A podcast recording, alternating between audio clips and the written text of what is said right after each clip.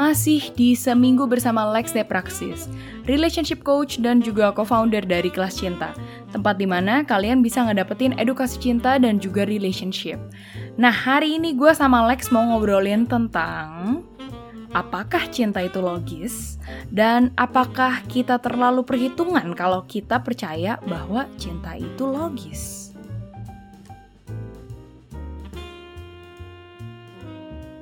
Pemahaman yang baru untuk orang umum ya kayak gila cinta kok dianggap kayak kayak uang Iya. kayak sesuatu yang bisa dikasih dan beri. Hmm. Nah ternyata pendekatan tadi yang gue bilang cinta dan investasi ada beberapa literatur yang backup itu gitu loh. Iya. Nah itulah yang gue bilang bisa dimengerti. Jadi ini sebenarnya untuk mengcounter cinta adalah sebuah feeling. Kita nggak musuhin konsep itu loh. Cinta itu memang bagian dari feeling, itu perasaan manusia, itu emotion maybe. However, ada satu sisi lain yang berusaha memahami cinta itu apa. Dan kita harus jalan dalam relationship yang kita bisa paham. Hmm. Itu penting. Sama kayak kalau kita mau bekerja ke kantor, kan kita nggak bisa kerja pakai feeling. Ada sebuah, apa ya, framework berpikir yang kritis. Iya. Nah, itu gambaran umumnya. Tapi menarik sih yang tentang framework berpikir critical. Iya, itu menyadarkan gue juga Hmm. bahwa iya bener juga ya. Saat kita ngomong sesuatu logis, itu sebenarnya bukan definisi per se. Itu harus bener apa secara global. Tapi ya, Mm-mm. eh, apakah lu punya Hmm. sistem berpikir yang kritis di dalam mengerjakan sesuatu demikian juga saat memberikan investasi tanda kutip dalam percintaan Hmm. gitu ya. Mm-mm. Em, gue sebenarnya kepikiran ini sih tiba-tiba. Jadi waktu gue lagi research tentang KC, gue juga menemukan bahwa Mm. ternyata eh, terpaan lu di awal-awal sama teman-teman lu tuh keras ya. Karena dapet email dari Mm. orang tua, salah satu orang tua, bahwa Mm. tentang udah Mm. jangan kirim-kirim email lagi ke anak gue. Lu tuh sesat tau nggak? Right, dan right, right. Ini Wow. tuh pembodohan gitu Betul. loh. Like cinta tuh nggak bisa lu ngertiin itu lu tuh kayak jualan hal bullshit lah ibarat kata dari si orang tua ini ya. Right. Nah berarti kan kalau si orang tua ini ngomong cinta tuh nggak bisa lu ngertiin, it means somehow nggak ada sistem atau nggak ada pattern yang bisa lu eh, rumus lah rumus di dalam percintaan ini. Nah Mm. saat lu find out bahwa dari dari according to science karena lu juga belajar kan sama salah satu em, pentolannya lah gitu di US soal Hmm. relationship. Hmm. Nah, itu tuh apa Hmm. sih rumus yang maybe you don't need to mention it all. Cuma dari pengalaman lo sendiri eh, rumus cinta apa yang itu udah basic principle banget deh. Salah satunya adalah kan tentang si cinta itu ya investasi seperti yang sudah lo sebutkan. Mm. Selain itu apa lagi gitu yang mungkin bisa dipahami orang tua-orang tua dan juga anak-anak awam. Wow. Now that's a good but a very difficult question to answer. Apa ya yang yang bisa atau mudah dipahami anak-anak, anak kecil ataupun orang tua? Selagi lu Hmm. mencoba untuk bermeditasi nih akan jawaban ini. Gue berasa orang Hmm. tua mungkin punya statement itu karena melihat banyak anak-anak muda, salah satunya adalah anak mereka Mm-mm. yang eh, sepertinya terlalu mikir jadi terlalu mikir soal relationship maksud gue jadinya Hmm. mereka itu menikahnya lebih tua umurnya dibanding orang tua orang tua ini. Itu setidaknya yang gue pahami ya. Dan orang tua orang tua ini merasa kayak zaman gue nggak gitu kok lu lihat aja. Gue nikah cepet umur 20 punya anak 4 masih lanjut kan? Nggak cerai gitu ibarat katanya gitu. Hmm. tapi anak-anak sekarang setidaknya gue dan teman-teman gue melihat bahwa nggak cukup. Lu langsung merit punya anak terus lu lama durasinya habis itu sukses gitu. Nggak seperti itu. Karena kalau dari orang tua kita lihatnya dari durasi kuantitas kalau kita lihatnya dari kualitasnya. Ya lu bisa nikah 40 Hmm. tahun tapi kalau lu digebukin mulu sama aja dong. Atau misalnya lu berantem mulu sama hal-hal yang Hmm. kecil gitu loh. Jadi gua rasa dari orang tua merasa eh, cinta itu logis langsung bete-nya ah lu kebanyakan mikir. Kalau lu kebanyakan mikir jadi lu Ya, iya lu. lu kebanyakan teori. Jadi lu nggak nikah nikah nih ntar lu nggak nikah nikah lu jadi perawan tua atau lu jadi apa? Ntar kita nggak punya cucu yang kayak gitu loh. Karena itu value mereka kan memang saat itu kan seperti itu. Right. sedangkan kita yang anak muda atau dari gua karena gue melihat banyak orang tua asal langsung merit aja tanpa mikir, jadi banyak nih trauma-trauma yang dirasakan oleh anak-anak. Ya kan nggak mungkin dong gue ngomong sama bapak emak gue kayak gitu kayak your marriage traumatized me, nggak mungkin.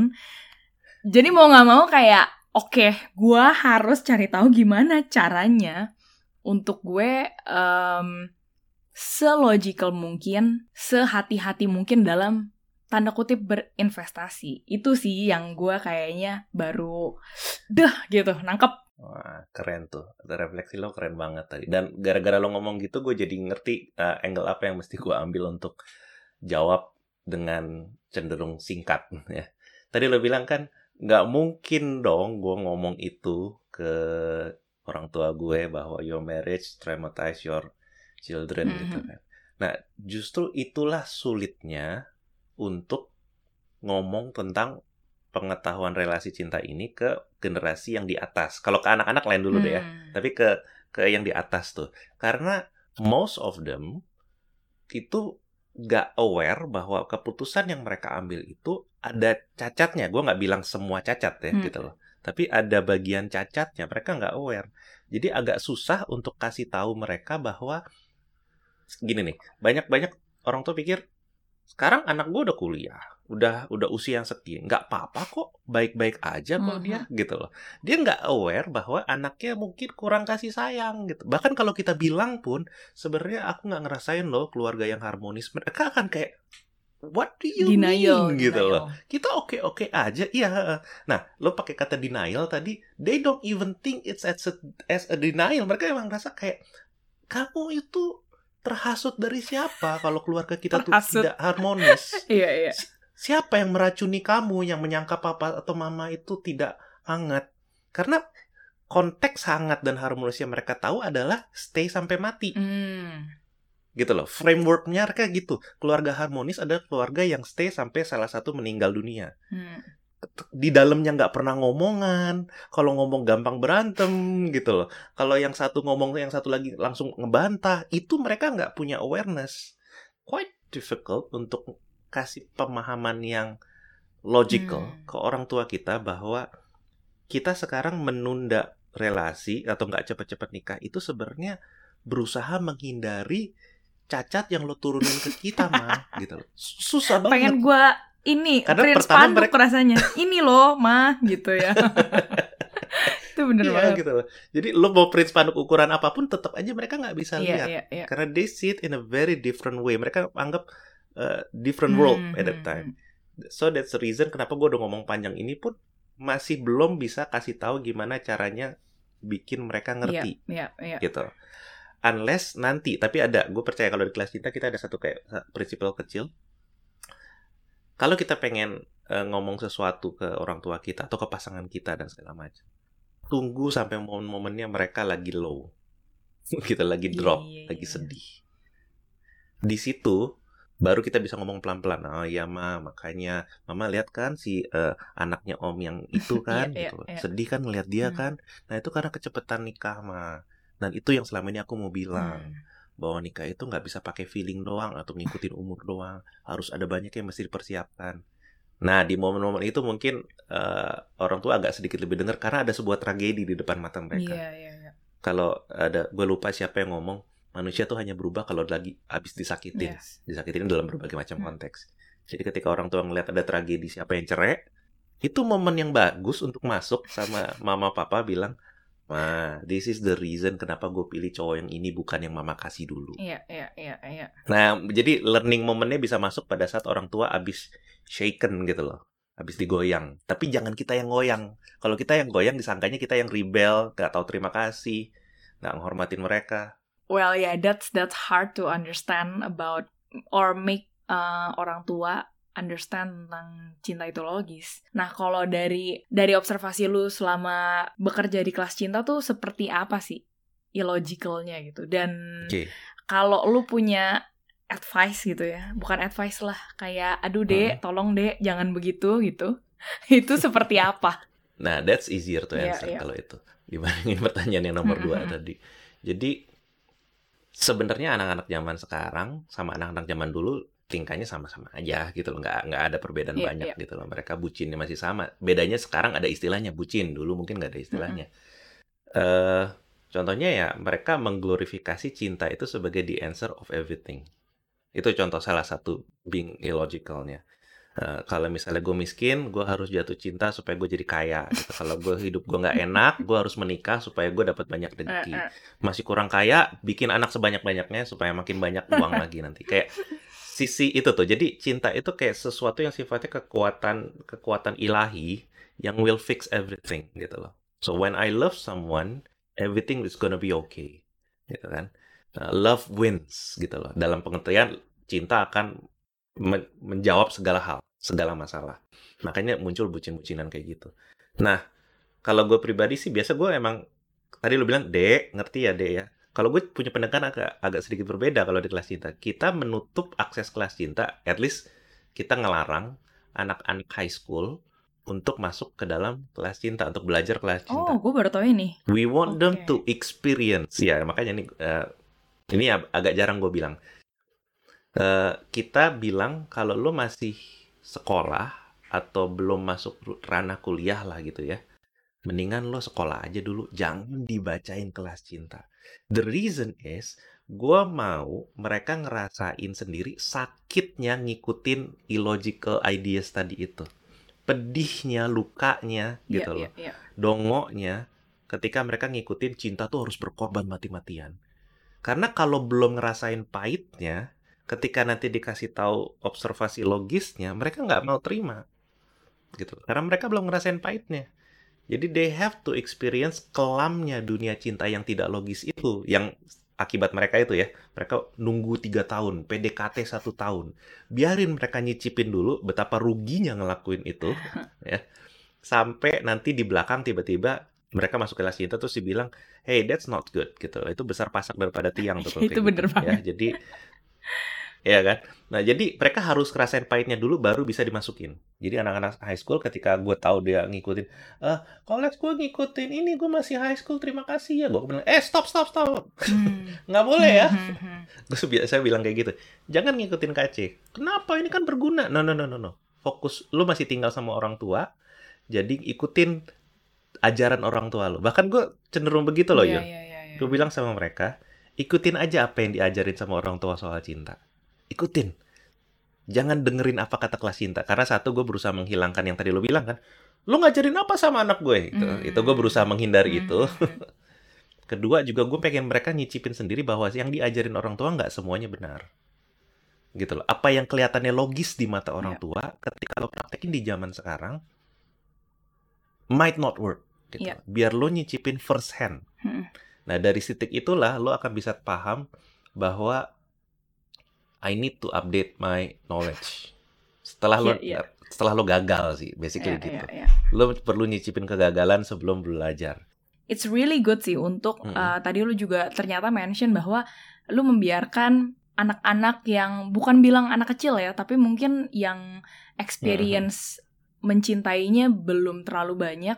Ya udah biarin aja dulu lo belajar mm -hmm. uh, sesuatu dari orang tua lo atau apa pun yang orang tua lo ajarin kalau bagus ya bagus, hmm. kalau enggak ya udah lu pikirin seperti apa gitu kan.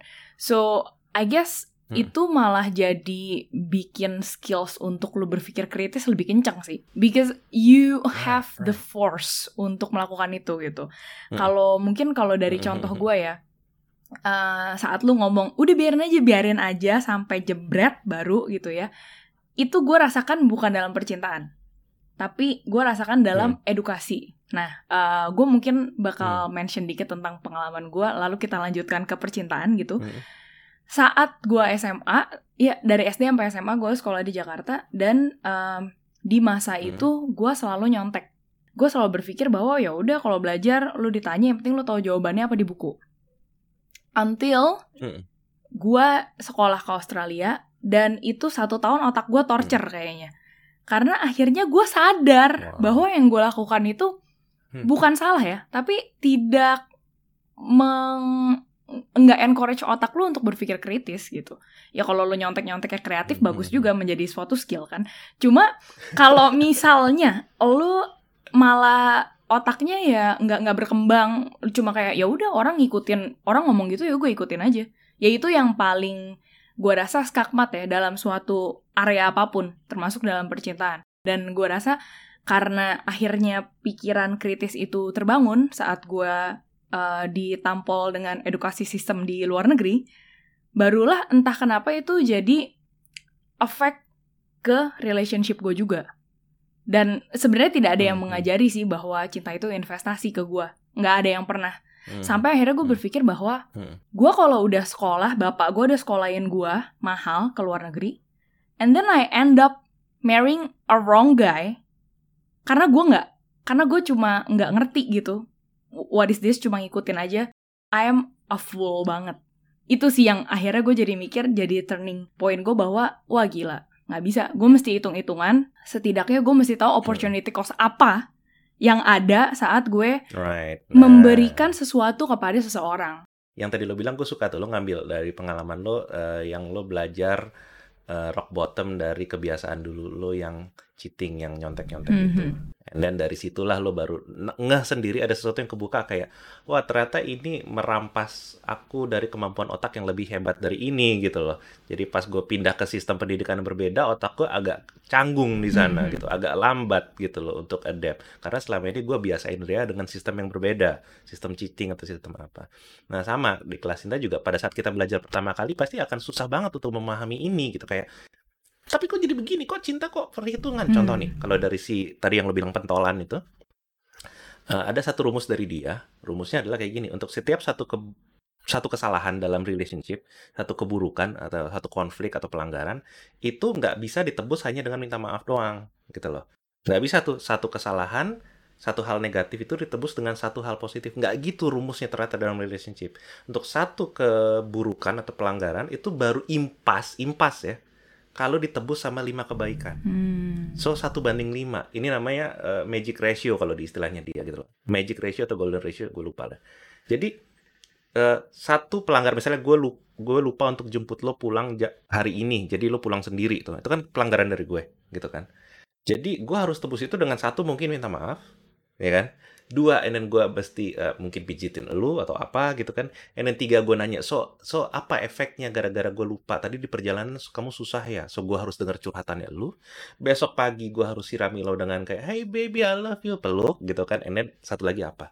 Nah, jadi sebanyak itu loh untuk satu pelanggaran harus ditebus dengan lima. Nah ketika orang pertama kali denger gini kayak gila jadi susah ya jalan relationship harus dihitung harus di apa yeah, yeah. terus gue bilang ya in real life kita nggak beneran ngitung 1, 2, 3, 4, 5 sih. It's just an apa analogy bahwa satu pelanggaran itu tidak cukup cuman satu perbaikan. Hmm, hmm, gitu loh. Hmm. Prinsipnya jadi gitu. Memang nggak harus 1, 2, 3, 4, 5. Cuman kita sekarang jadi tahu, hati-hati buat pelanggaran.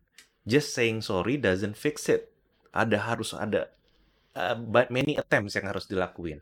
Nah ini kan satu banding lima nggak sembarangan nih, dia hasil studi gitu loh. Jadi emang ada si ilmuwannya ini, si Goldman-nya hmm. ini memang ngelakuin studi selama bertahun-tahun sampai dia debut angka itu. Itu baru impas loh. Relationship yang lumayan oke, okay, good, satu banding lima. Kata dia, kalau yang happy seperti apa? Satu banding 20 atau 25 gue lupa. Hmm. Gila nggak? Jadi kalau pengen punya relationship yang happy, kita harus untuk setiap satu kesalahan kita ditebus sama 20 sampai 25 good things. Barulah relationshipnya itu kind of flourish bukan kind of flourishing lah bertumbuh. Dan kalau denger kayak gitu orang-orang yang baru pertama kali denger kayak wow wah itu nggak mungkin itu berlebihan. Kamu tuh terlalu theoretical kamu tuh terlalu berpikir. Cinta tuh nggak bisa diukur seperti itu. Kalau baru pertama kali. Tapi kalau sudah pernah rock bottom sudah pernah masuk dalam relationship yang toxic dan akhir bercerai gara-gara itu and then dia flashback yang sehat itu harus satu banding lima. Dia pasti kayak bener banget tempo hari gitu loh. Suami gue nggak gitu, bener banget. Gue dulu gitu. Kalau kalau gue tebus dengan lima kebaikan, there's a possibility relationship itu bisa di salvage, bisa diperbaikin. Apalagi kalau gue buat 20. Make sense, like. Kenapa? Karena orangnya sudah pernah rock bottom. Tapi kalau belum rock bottom, denger uh, critical thinking about love seperti ini, mereka akan ngerasa mengada-ngada, ini berlebihan. Benar-benar. Jadi kita bilangnya cinta itu cinta itu sesuatu yang bisa dibedah. Kita bilang gitu, kita suka pakai istilah gitu karena apa? Karena cinta tuh justru harus bisa dimengerti, bukannya bukannya ya kadang-kadang logis, kadang-kadang tidak. Enggak, sebaiknya sih logis.